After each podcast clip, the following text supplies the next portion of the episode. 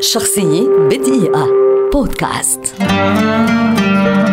إلا فيتسجيرالد مغنية أمريكية كبيرة اشتهرت بصوتها الجميل وأدائها العبقري للجاز الذي سحر قلوب الملايين حول العالم ولدت عام 1917 عاشت طفولة مضطربة. بيد أنها سرعان ما اكتشفت موهبتها الموسيقية فشاركت في مسابقات الهواة لتنطلق بعدها في عالم الفن الأمريكي وتصبح من أساطير الجاز. عام 1935 سجلت إلا أغنية Love and Kisses وفي عام 1938 أطلقت أولى أغنياتها الرائجة بعنوان A-Tisket لتتبعها في ذات العام بأغنية ناجحة أخرى هي I Found My Yellow Basket. ولكن نقطة التحول في مسيرتها جاءت حين بدأت العمل مع نورمان جرانز. حظيت إلا خلال عقدي الخمسينات والستينات من القرن الماضي بنجاح كبير فأغدق عليها النقاد والجمهور ألقابا كثيرة أهمها Lady إلا أو السيدة الأولى للأغنية وقد امتلكت قدرات صوتية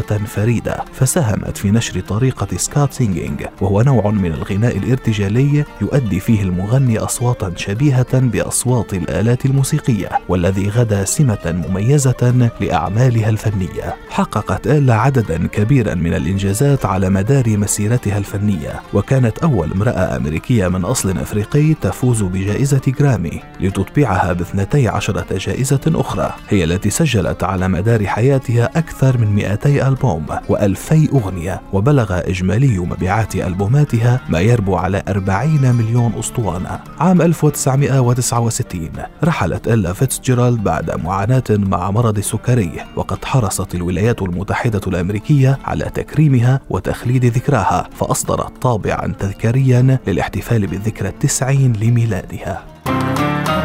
شخصية بدقيقة. بودكاست.